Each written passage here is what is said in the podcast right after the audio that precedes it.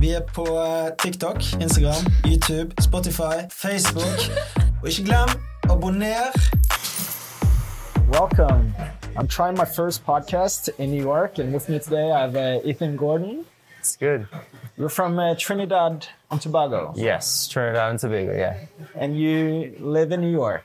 Correct. Currently I live in New York now. Yeah, and uh, you're working as a creator. Yeah. So currently I have two small businesses. I all of my twenties, I'm actually in my thirties, my young 30s, early thirties. All my twenties I was in finance. So but recently, like a year and a half ago, I started posting on TikTok and my mom and I kind of got viral a little bit. So I got a lot of interest and I found it was a lot of fun. So I started on a content creator type of path, I guess you could say. And um, now I help brands manage their social media and help brands grow their audiences. So, so I have two businesses. One with stocks and investment and managing people portfolios, and the other is social media management. Two very different kind of businesses. Two totally polar opposite businesses. Yeah. So, uh, what kind of brands do you work with? Uh, currently, my brands are back home in Trinidad. Um, one is a home appliances and furniture store. Um, one is a online sports website, and another one is a financial company. Yeah. So, how do you come up with different content strategies for these businesses? Yeah, so each of the businesses will be in different, uh, obviously different sectors. And the key is really and truly what I would do is I would create like five buckets or pillars whereby we'll create different types of content uh, under those pillars of content. And usually the first two or three months, we would kind of like test out to see what works. And from the two, the first two or three months, I would be able to know like, okay, this is working, this is not working. And then it's basically in the first two or three months is a trial and error process. When you know what's working from what's not working, then you could like stop making content that's not working and then lean more on the stuff that is working and also optimize our content. And that's really and truly it. And then furthermore, in the different sectors, they would have players that are already making content. So you cheat. You know, you go and see what's working out there in the market. Cool. In the financial sector, you know, BlackRock is doing XYZ. This worked, this didn't work. And then you take some of those ideas, mesh it with your ideas, and it's all, again trial and error, see what sticks, and when it sticks, optimize and double down. So, it's important to steal.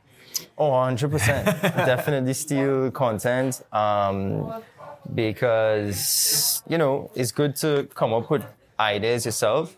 But if something is working, is a reason why it's working, and you just need to understand why it's working. Is it that it's working in that geographical location? Like, just understand what is underneath um, the hood. And if, it, if you believe it'll work for your business, replicate. And then put your own personality on it as well.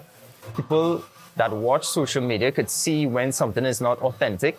So it has to be authentic, it has to be your personality, but you could also piggyback off of a trend or something that is working as well. Yeah. Are you showing your face when you create these videos for uh, the businesses? Or no? So I currently have my own social media platforms, uh, TikTok, Instagram, Facebook, and YouTube.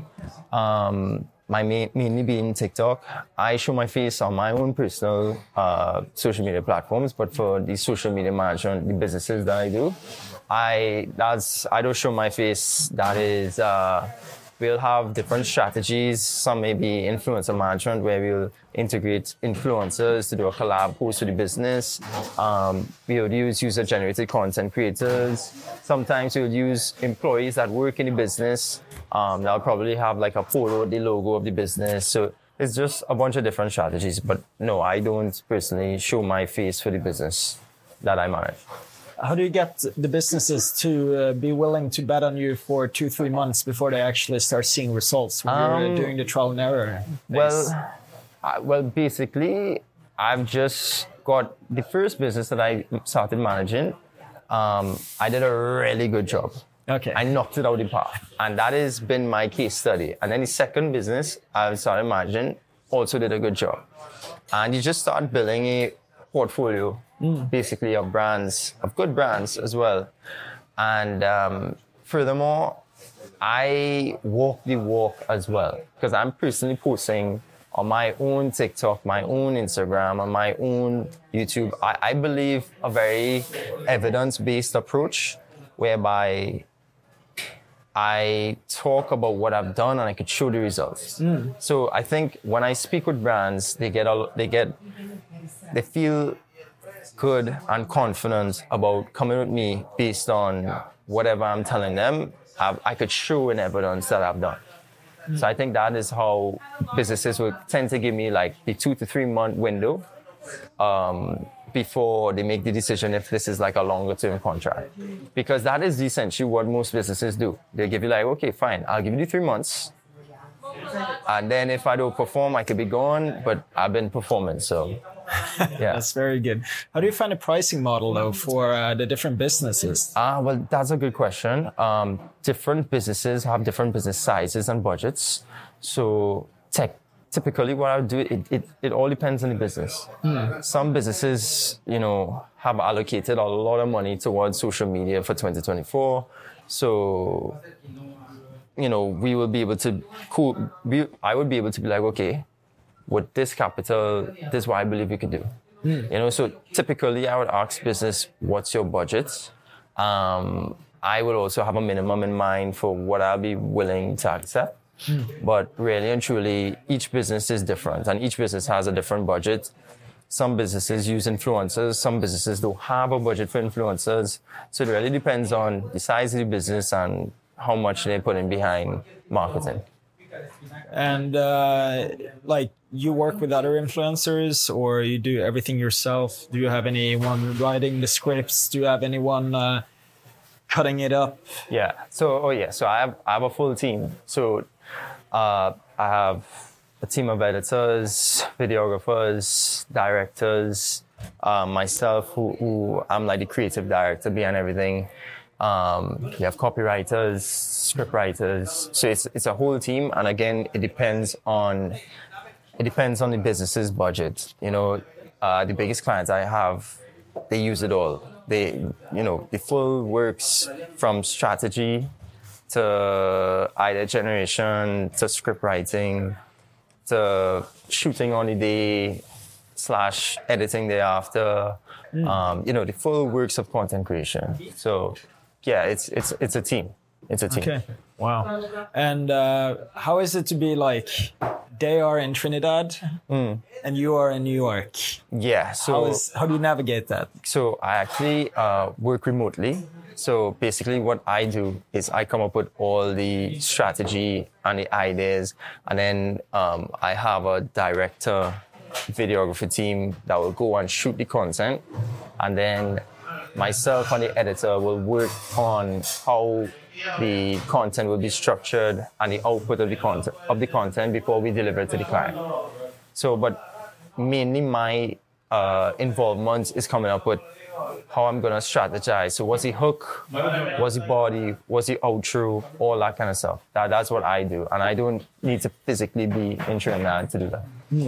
That's a great tip for uh, TikTok, creating content for businesses. Like it's quite difficult finding that hook, what works, Yeah. and like that niche that they're gonna lean into. And it's a totally different way of marketing than doing Instagram, which is perfection, No, right? sure. And uh, For sure. TikTok is not perfection. For sure, I would say big on TikTok is for someone that's now starting is definitely get a lot of volume because every year or every couple of months the algorithm keeps changing.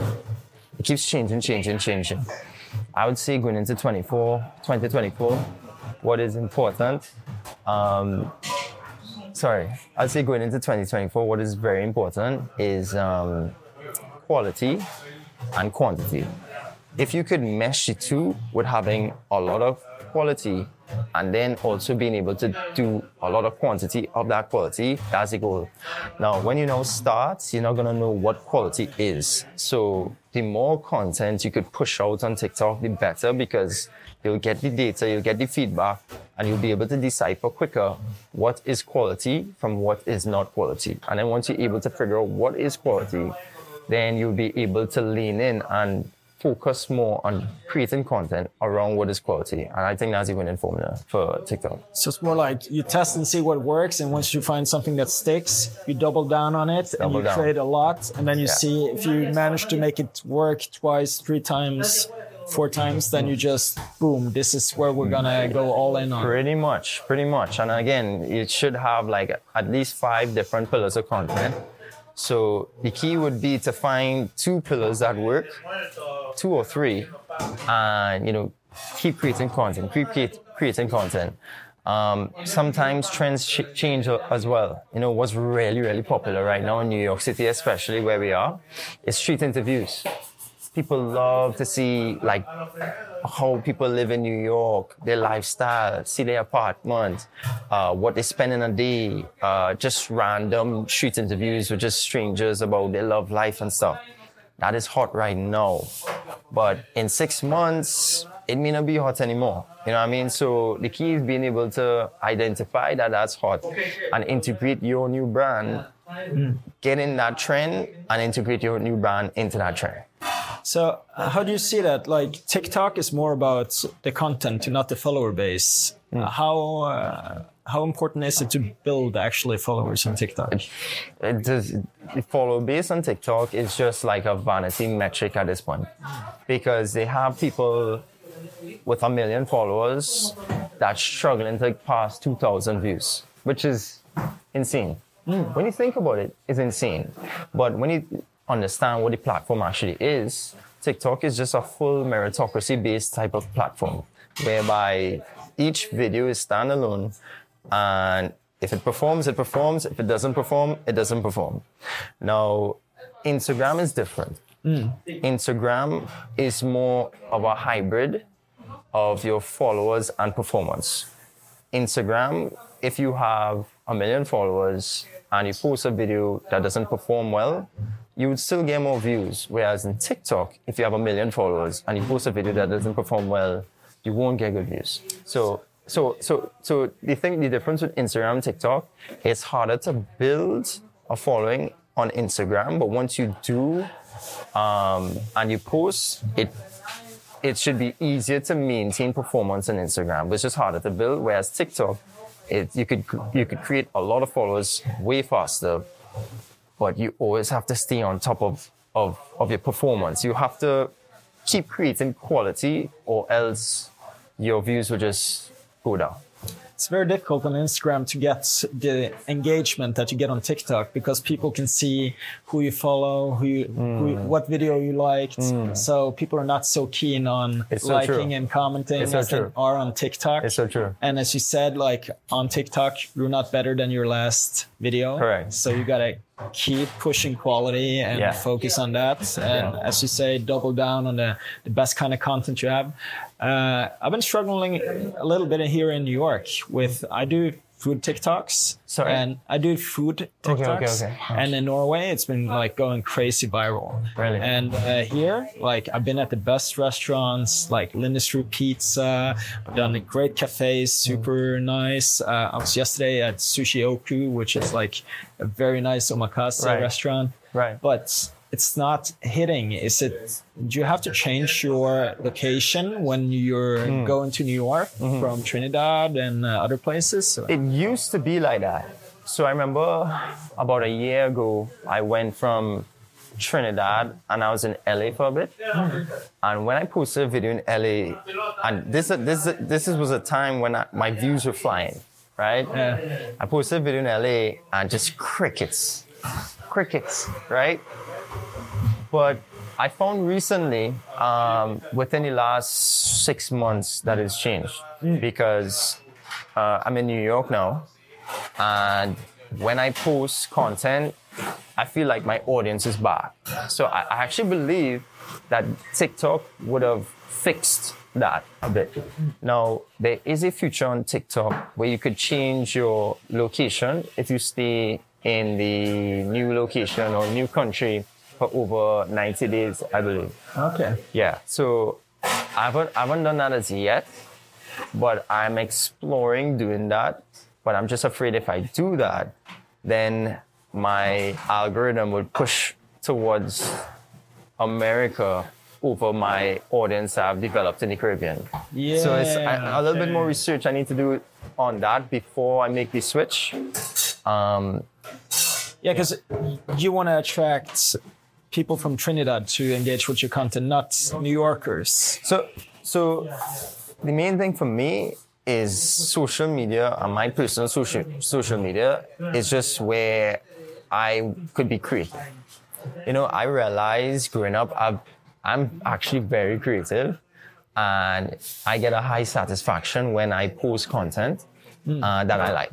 So I I don't really I don't necessarily want to be like a influencer or like a big time content creator. My social media platform is just for me to express myself hmm. in the way I feel at that point in time.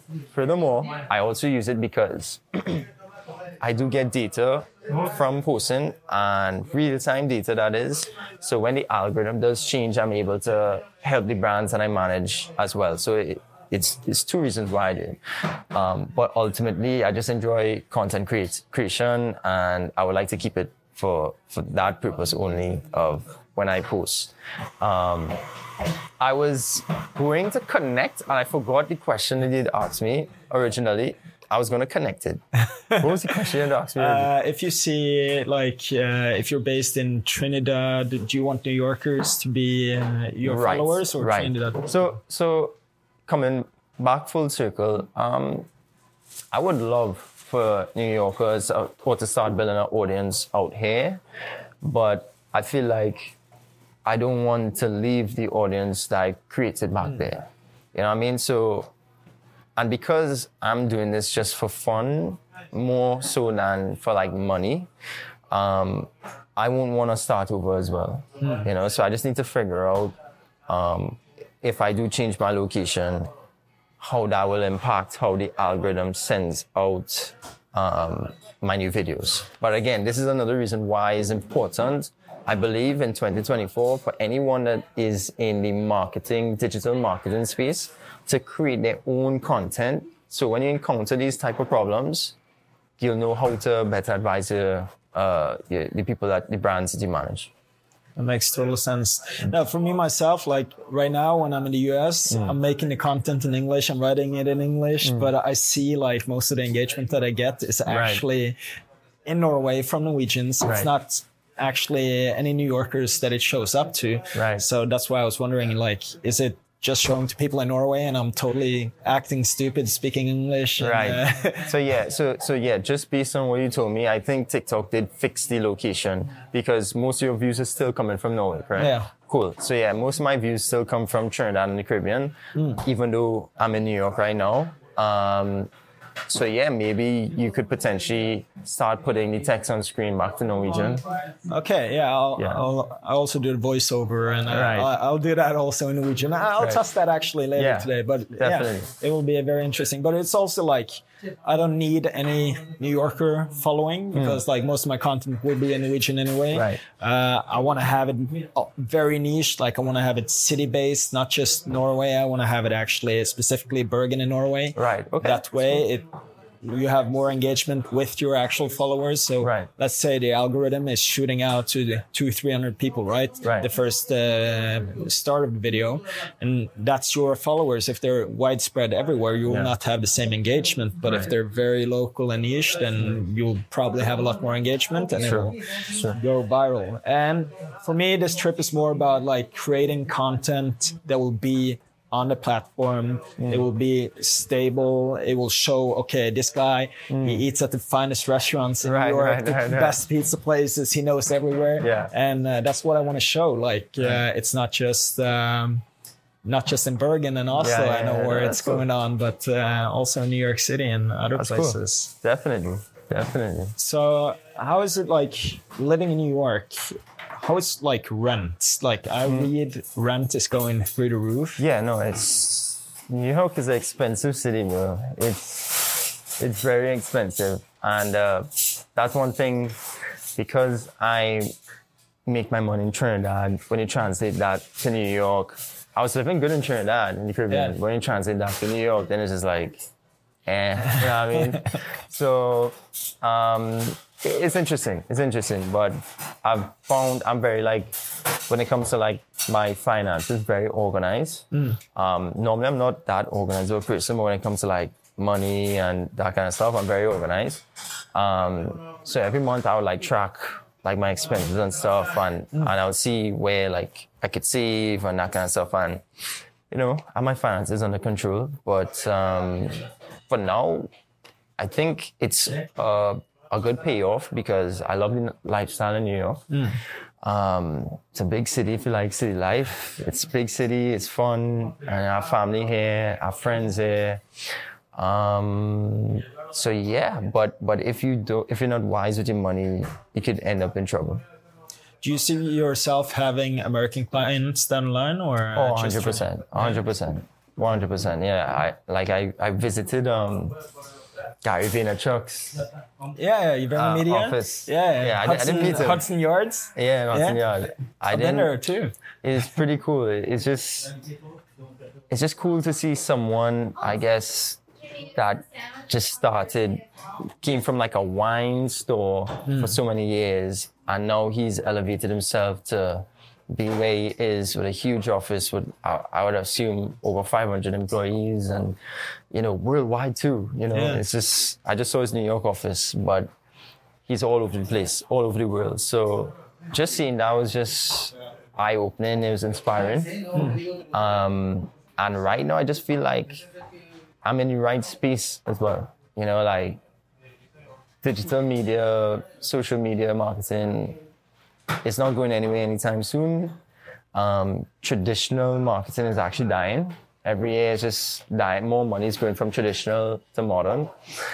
And um, most importantly, I just enjoy it. So yeah, I would definitely love to be global at some point in time. Yeah. Did, did you meet Gary when you were I didn't. office? I didn't. Okay. I, I saw him. You saw him. I saw him, but he was like on a call. He was busy. Yeah. So you know, I, I didn't want to. I was with a friend too, so I, you know, I respect him and everything. So I was there in uh, 2019 with uh, D Rock, the guy who Mm. Oh, used to do his yeah. vlogs. His yeah. I was supposed to do a podcast with him here actually, but uh, he was in uh, Hawaii. Oh, yeah. And uh, yeah, we've been going back and forth since 2017. I gave Gary a watch in 2017. Oh, and then no water? yeah, I think we got some water. Nice. And um, yeah, so Gary was at Oslo Business Forum, and um, I bought a ticket. I went to see him. Hmm. Went down. Like I know you don't wear watches, but hey, I make watches. I don't know if you will wear it, but Yeah. this is a gift from me. And then um, I think it was like cool. a couple. You gave it four- it? Yeah, yeah. that's cool. That's And then four or five months later, I uh, get a DM, f- or I saw D Rock was wearing a watch. People sent it to me that he was wearing a watch. And I started chatting with uh, D Rock, and he's like, "Yeah, can you send like five, ten watches, and uh, we can do it like for the sixty second club."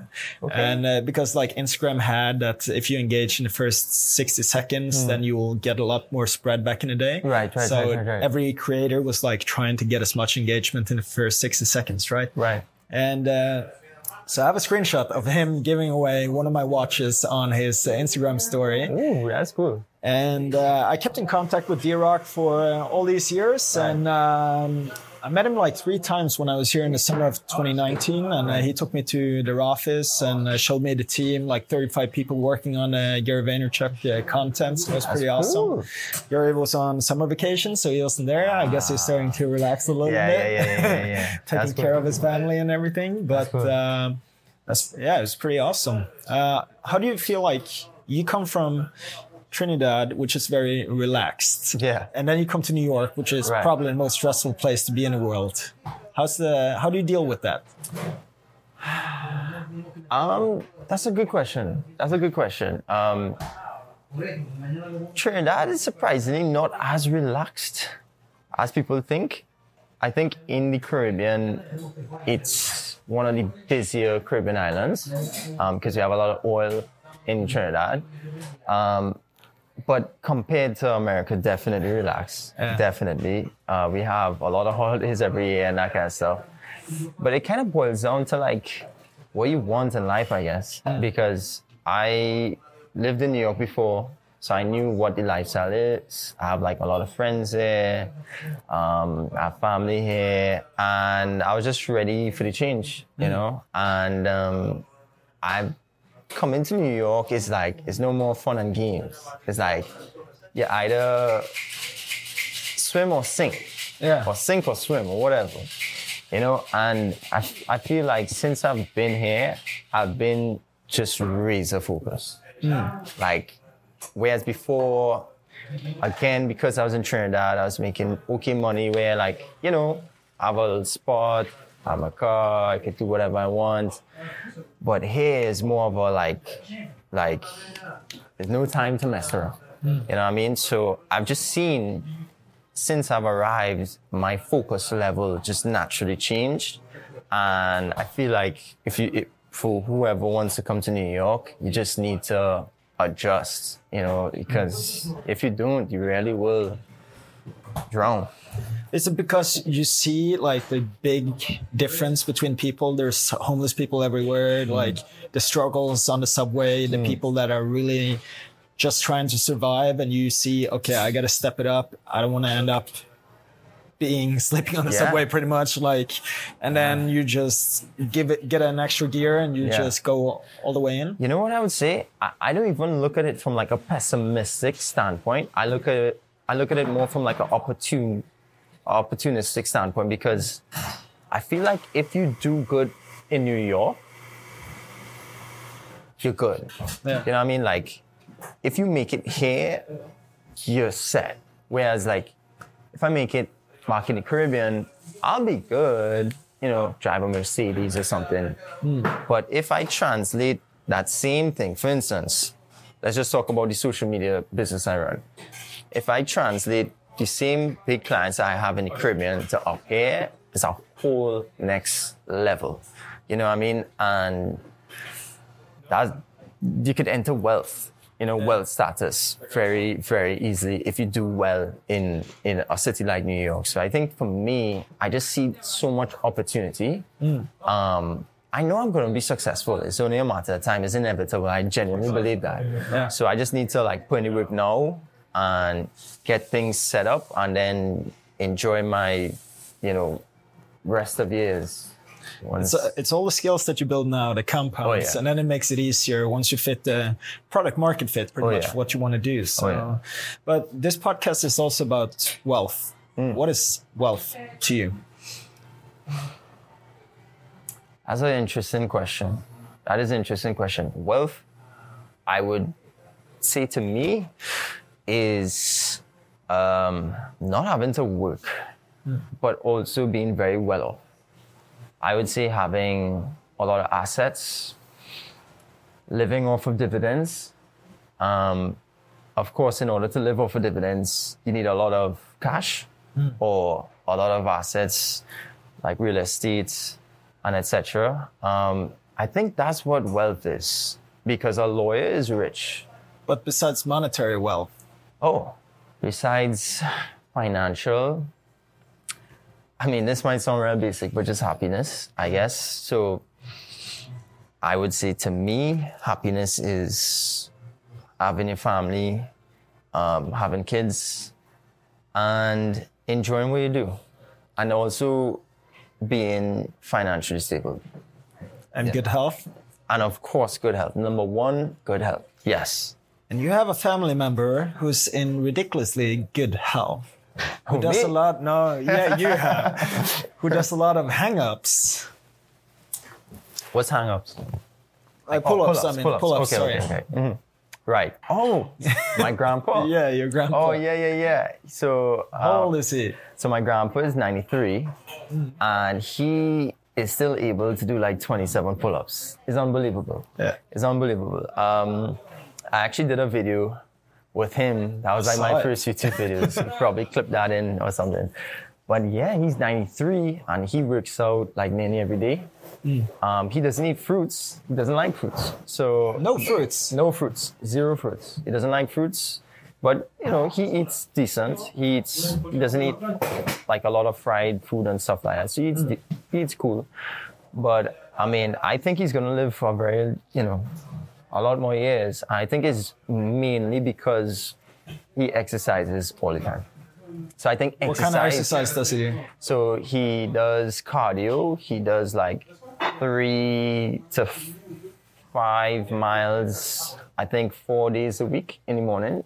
And then he'll go to the gym and he does certain things. He does pull ups, push ups, and like two other exercises. Hmm. Every, that, I think he does that four or five times a week. Yeah. That's wild. Yeah, yeah, yeah. It's, it's so, so I mean, health is wealth and exercise is a big part of it. Big, big part. Do you follow his uh, example? I've started to again coming to New York. I've just got back into eating better, just like be more fit, and I'm just like the the 2.2 version of myself right now. And so yeah, I go gym four times a week. Um, I eat a lot better. And all of that came when I was looking at like my finances and looking at where I could cut down, just cutting down a lot of outside eating. And I don't know, I just, everything is just leveling up for me right now. So, but health is most important because if you're not healthy and you're not around to enjoy the money you make, what's the point of making money? You know what I mean? Exactly. So, but yeah, no, yeah. You cook at home? I've started to. I, I don't not- think anyone in New York cooked at home. No, yeah, I, I, at dinner time, I've started to. Not the best, okay. um, but good enough. Good enough. What kind of budget do you need to move to New York these days? I would say, well, it depends. It depends on how low you're willing to live. Yeah. So, for instance, if you are okay with living with roommates, you could, I would say, you could potentially live on like fifteen hundred dollars rent. Um, that's if you're living with two or three roommates.